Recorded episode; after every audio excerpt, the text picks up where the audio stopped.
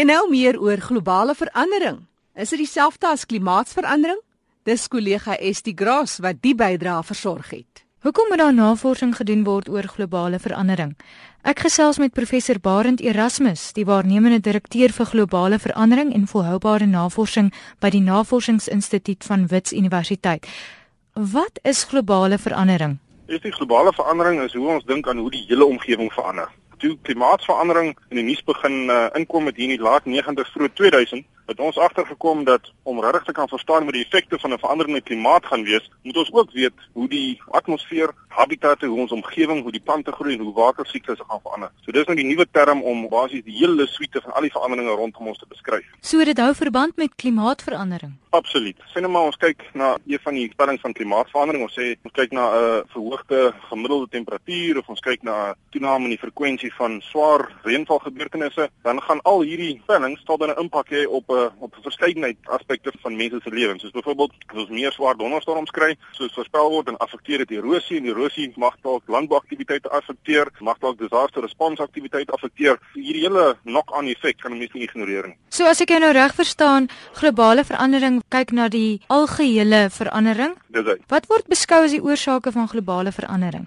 As ons die die klimaatkomponent van na globale verandering kyk, het dit te doen met die verbranding van fossielbrandstowwe en die toename in koolstofdioksied konsentrasie konsentrasie in die atmosfeer dat ons dan sterker kweekhuiseffek en dan ons opgemiddeld vir die aarde warmer temperatuur. Wat globale verandering of die nie klimaatdeel van globale verandering betref, daar's alle menslike aktiwiteite, of dit nou industrieel is of dit landbou is of dit dorpe is wat uitbrei of dit landbouaktiwiteite is wat intensifiseer of verder uitbrei en ander tipe gewasse op ander plekke verbou. Al hierdie veranderinge sien ons as deel van globale verandering. Vir mense dit ekonomiese en sosiale drywers wat half die non-klimaatdeel van globale verandering affekteer en dan mense die klimaatdrywers wat direk net ons klimaat affekteer en dan indirek ook hierdie sosiale en ekonomiese drywers affekteer. Is daar werklik veranderinge wat plaasvind? Absoluut. Meeste van die getuienis wat ons het, kom uit die noordelike halfrond. Dis maar net 'n funksie van dis waar amper die kritiese massa van navorsing in hierdie veld was vir 'n lang tyd. So ons kan kyk na seevlakverandering, ons kan kyk na veranderinge in langtermyn gemiddelde temperatuur, dit is waargeneem. Nou hoe baie van die gletsers of hoe vinnig gletsers smelt, nou hoe baie ys op Groenland en dele van Antarktika oor is. Hierdie is gedokumenteerde veranderinge. Die manier hoe die veranderinge gedokumenteer is, sluit in meeste gevalle die moontlikheid van alternatiewe verduidelikings uit. Ons is redelik seker op hierdie stadium dat dit die toename in temperatuur is vanweë die toename in branding van fossielbrandstowwe. Is dit regtig verandering of is dit net herhaling van siklusse in die natuur? Dit is wel so. Daar is baie beslis siklusse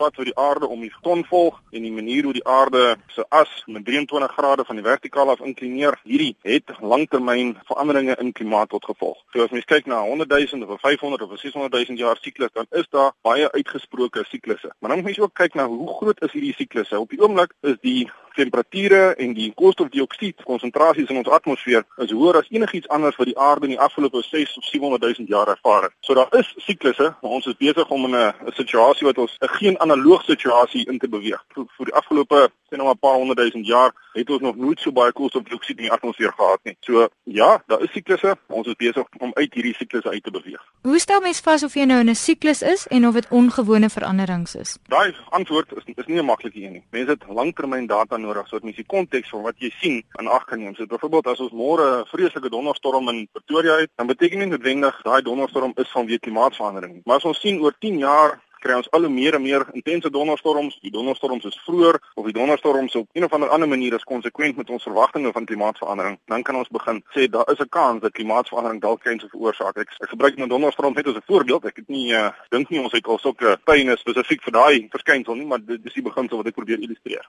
So dit is op hierdie stadium moeilik om vas te stel of dit net 'n siklus is wat ons beleef of 'n werklike verandering. Nee, ek ek sou sê dit wat ons globale toename in temperatuur, die verskynsels van ys wat meer smelt op verskillende plekke, dit is 'n onomwonde getuienis dat ons op die oomblik besig is om verwarming 'n globale gemiddelde te ervaar vir die aarde glad nie van tevore. Nie veranderinge wat plaasvind. Hoe effekteer dit die biodiversiteit in sy geheel? So as ons dink aan biodiversiteit, kan ons dink aan die struktuur van die biodiversiteit. So is dit 'n hoë boom of 'n of 'n klein diertjie, kan ook dink aan die samestelling van die biodiversiteit, so hoe baie verskillende diere of plante is daar. En ons ook dink aan die funksie van die biodiversiteit. So wat doen dit? 'n Plant wat vinnig groei of is dit 'n onkruid of is dit 'n boom soos 'n komataar wat lank in die omgewing is? So daai drie komponente word verskillend geaffekteer. Een groot effek wat redelik seker is van, is dat soos daar meer en meer koolstofdioksied in die atmosfeer is, groei bome al hoe vinniger. Bome het die vermoë om vinniger as grasse hierdie koolstofdioksied te gebruik. En die uiteindelike resultaat daarvan is dat ons ongelooflike bosverdigting sien oor groot dele van savannas net in Afrika nie, maar ook in ander dele van die wêreld. Bosverdigting beteken jy meer houtagtige plante groei en baie minder gras. Ons weet Afrika is bekend vir sy groot toppe grasvreters in al ons savannas en dit is ook een van die groot bronne van inkomste vir baie belangrike ekotourisme bedryf. So daar's hier 'n voorbeeld van 'n groot biodiversiteitsimpak met potensiële groot ekonomiese en sosiale gevolge. Wat kan die effek wees van hierdie veranderinge? Die effek van hierdie verandering wanneer ons die spesifieke een wat ons bosverdigting kry, vanweë die hoë koolstofdioksied uit die aard van die saak is dan minder wildlewe wat gras eet, maar nie net wildlewe eet gras nie, ons het ook beeste wat gras eet. So daar's 'n potensiële impak en terselfdertyd is baie van ons landbougewasse is van ook uit die grasfamilie. So dit beteken dat daar is potensiële effekte in die hoë koolstofdioksied vlak in die atmosfeer wat maak dat van ons stapel voedsel dalk moeiliker kan groei, dalk meer stres ervaar en dalk meer vatbaar is vir ander siektes vanweë hierdie stres wat hulle ervaar. Kan dit lei tot ander plante groei wat nog nooit voorheen voorgekom het op 'n gebied nie? Ja, dis 'n interessante vraag. Ek dink op die stadium kan ons sê dat die die gekombineerde effek van klimaat en van hoë koolstofdioksied en temperatuur en reënvalveranderinge gaan verskillende bome en plante verskillend affekteer. So en sê ek is ek staan nou hier in Skukuza in die Kleurwiltuin en rondom my is pragtige akasia savanna en ons het verskillende doringboomspesies en ons het 'n paar ander boomspesies en hulle is nou hierso en hulle is gewoond aan 'n sekere sal ons maar sê klimaatprofiel. As hierdie klimaatprofiel nou gaan begin verander, dan verwag ons dat hierdie bome individueel gaan reageer. Die hele gemeenskap gaan nie ewe skielik skuif en sê alles wat ons ken as akasia savanna rondom Skukuza gaan nou skuif verder noord en kreer in, maar dit bly dieselfde klompie spesies bymekaar. Ons verwag dat individuele spesies op hulle eie gaan reageer. En ons weet kan voorspellings maak van waar hulle dalk mag skuif. Ons het nog nie goeie inligting om te sê as hulle almal nou skuif in verskillende maniere, dan kry jy 'n nuwe klompie spesies bymekaar en hulle gaan op nuwe maniere met kompeteer. Ons weet nie mooi wat die uitkoms van daai kompeterende interaksies gaan wees. Kan mens sê dat daar 'n aanpassingsfase kan wees, maar is die verandering dan noodwendig negatief? Ag, gaan baie beslis 'n aanpassingsfase wees. Ek dink nie ons kan sê die verandering is oor die algemeen oral altyd negatief nie. Party plekke gaan bietjie warmer wees, party plekke gaan bietjie natter wees, party bietjie kouer, party bietjie warmer soos byvoorbeeld in die noordelike halfrond wat hierdie ehm um, taiga woude het. 'n uh, naaldraande bome soos ons hulle ken maar soos uh, denneboomwoude sê maar en die voorspelling sê dat hierdie woude mag dalk meer groei en meer bome hê en en verder uitbrei onder klimaatsverandering. En as jy uit die bosboubedryf kom of jy's in die boomkappe besigheid, dan mag daar dalk in jy's in die noordelike halfrond dan mag dalk actually meer hout vir jou wees vir jou spesifieke industrie. So